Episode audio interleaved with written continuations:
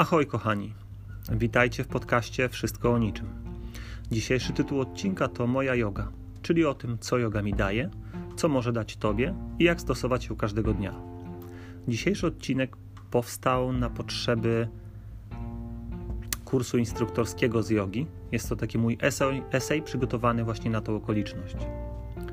Z jogą spotkałem się pierwszy raz podczas studiów na AWF-ie.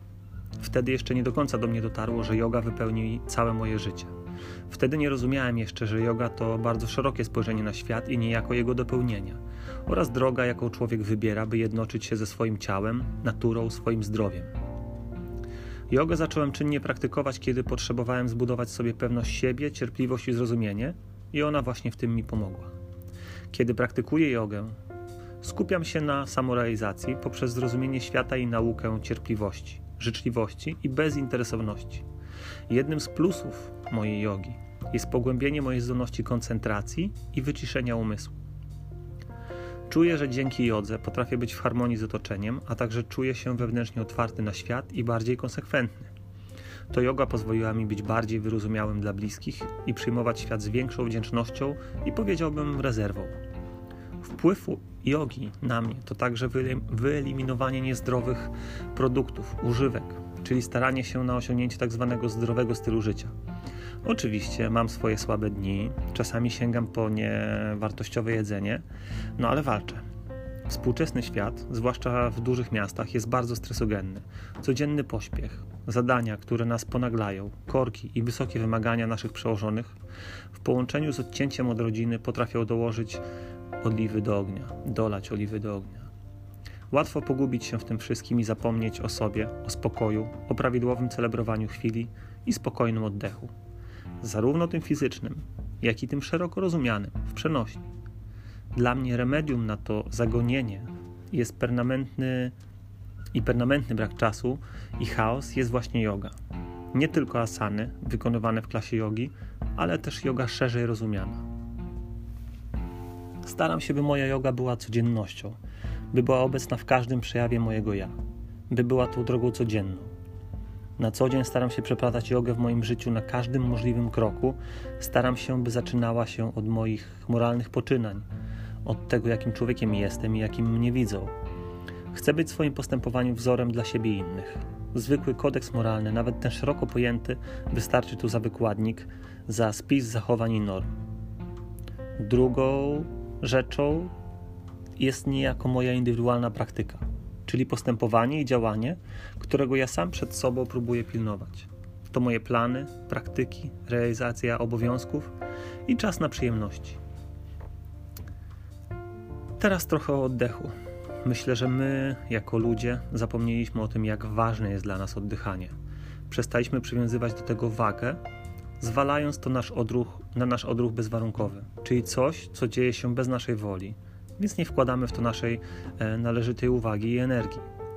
W ciągu zabieganego dnia ciężko znaleźć czas na uspokojenie swojego oddechu, na powrót niejako do normy, do tego, by w spokoju i miłości dla siebie i innych cieszyć się swobodnym, spokojnym, napełniającym nas energią oddechem.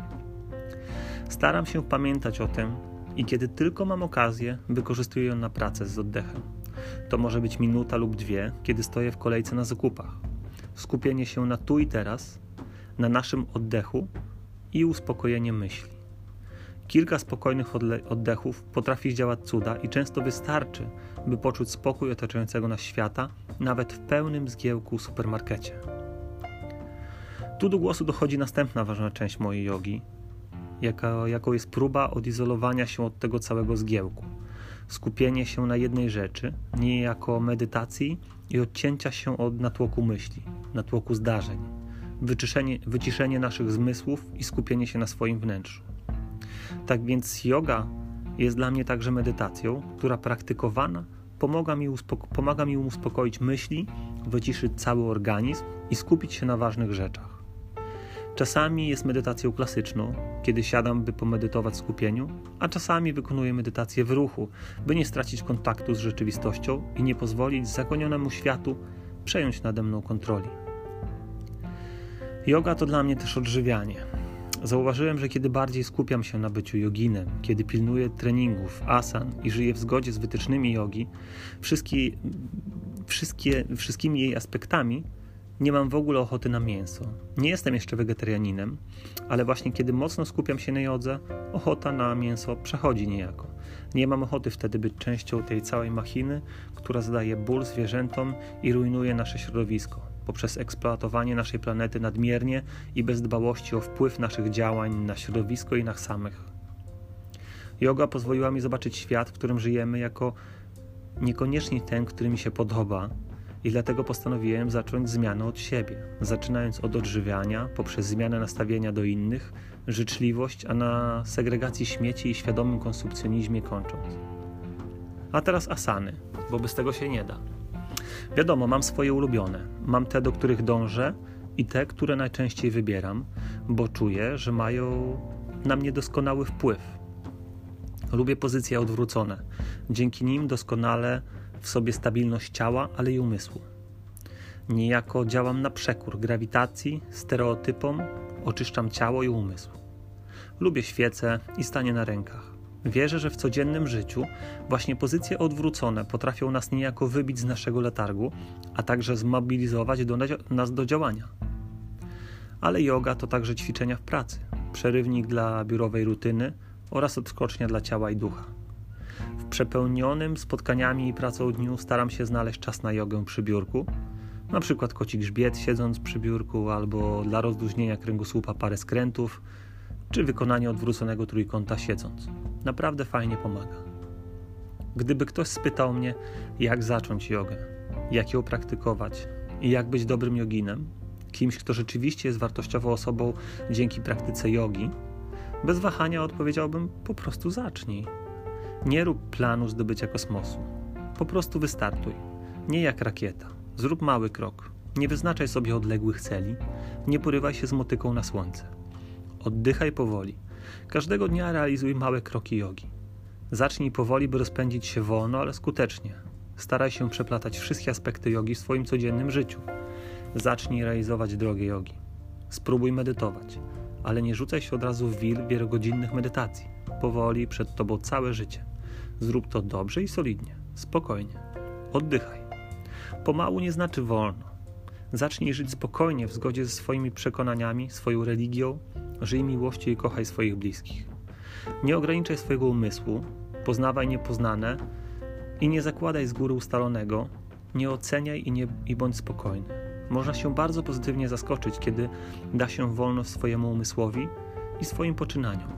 Działaj bezinteresownie i pozbądź się uprzedzeń, oczekiwań. To otworzy Twój umysł i ciało. Sprawi, że będziesz w stanie każdego dnia pełniej przeżywać życie. Zapisz się oczywiście na zajęcia jogi i znajdź swojego nauczyciela. Zaufaj mu i rozwijaj się w swoim spokojnym, kontrolowanym tempie. Ważne, byś wszystko to starał się praktykować każdego dnia. Wtedy yoga będzie w stanie dać ci wszystko to, co oferuje. Po prostu się przekonaj. Podsumowując, yoga to dla mnie wytchnienie. Moja recepta na zdrowie, szczęście i radzenie sobie z przeciwnościami losu trudami ziemskiego życia. Nie jest łatwo, ale próbuję każdego dnia. Czasami się udaje, czasami nie. Nie twierdzę, że jestem alfą i omegą, mam jeszcze dużo do zrobienia, nauczenia się i wyegzekwowania, ale walczę każdego dnia. Myślę, że kluczem do sukcesu współczesnego jogina jest właśnie wplecenie jogi w każdy aspekt naszego życia. Inaczej się po prostu nie da, moim zdaniem. Nie można uważać się za jogina, uczęszczając trzy razy w tygodniu na zajęcia jogi i klepiąc tylko asany. Yoga dla mnie to coś więcej. To niejako połączenie wszystkiego w całość, zapięcie wszystkiego na ostatni guzik. Tak jak w odwiecznym cyklu narodzin i śmierci, w który wierzą Hindusi. Nieprzerwanie musimy się doskonalić, bo tylko wtedy możemy zmienić swój los. Możemy być wolni i w tym właśnie na co dzień pomaga mi yoga.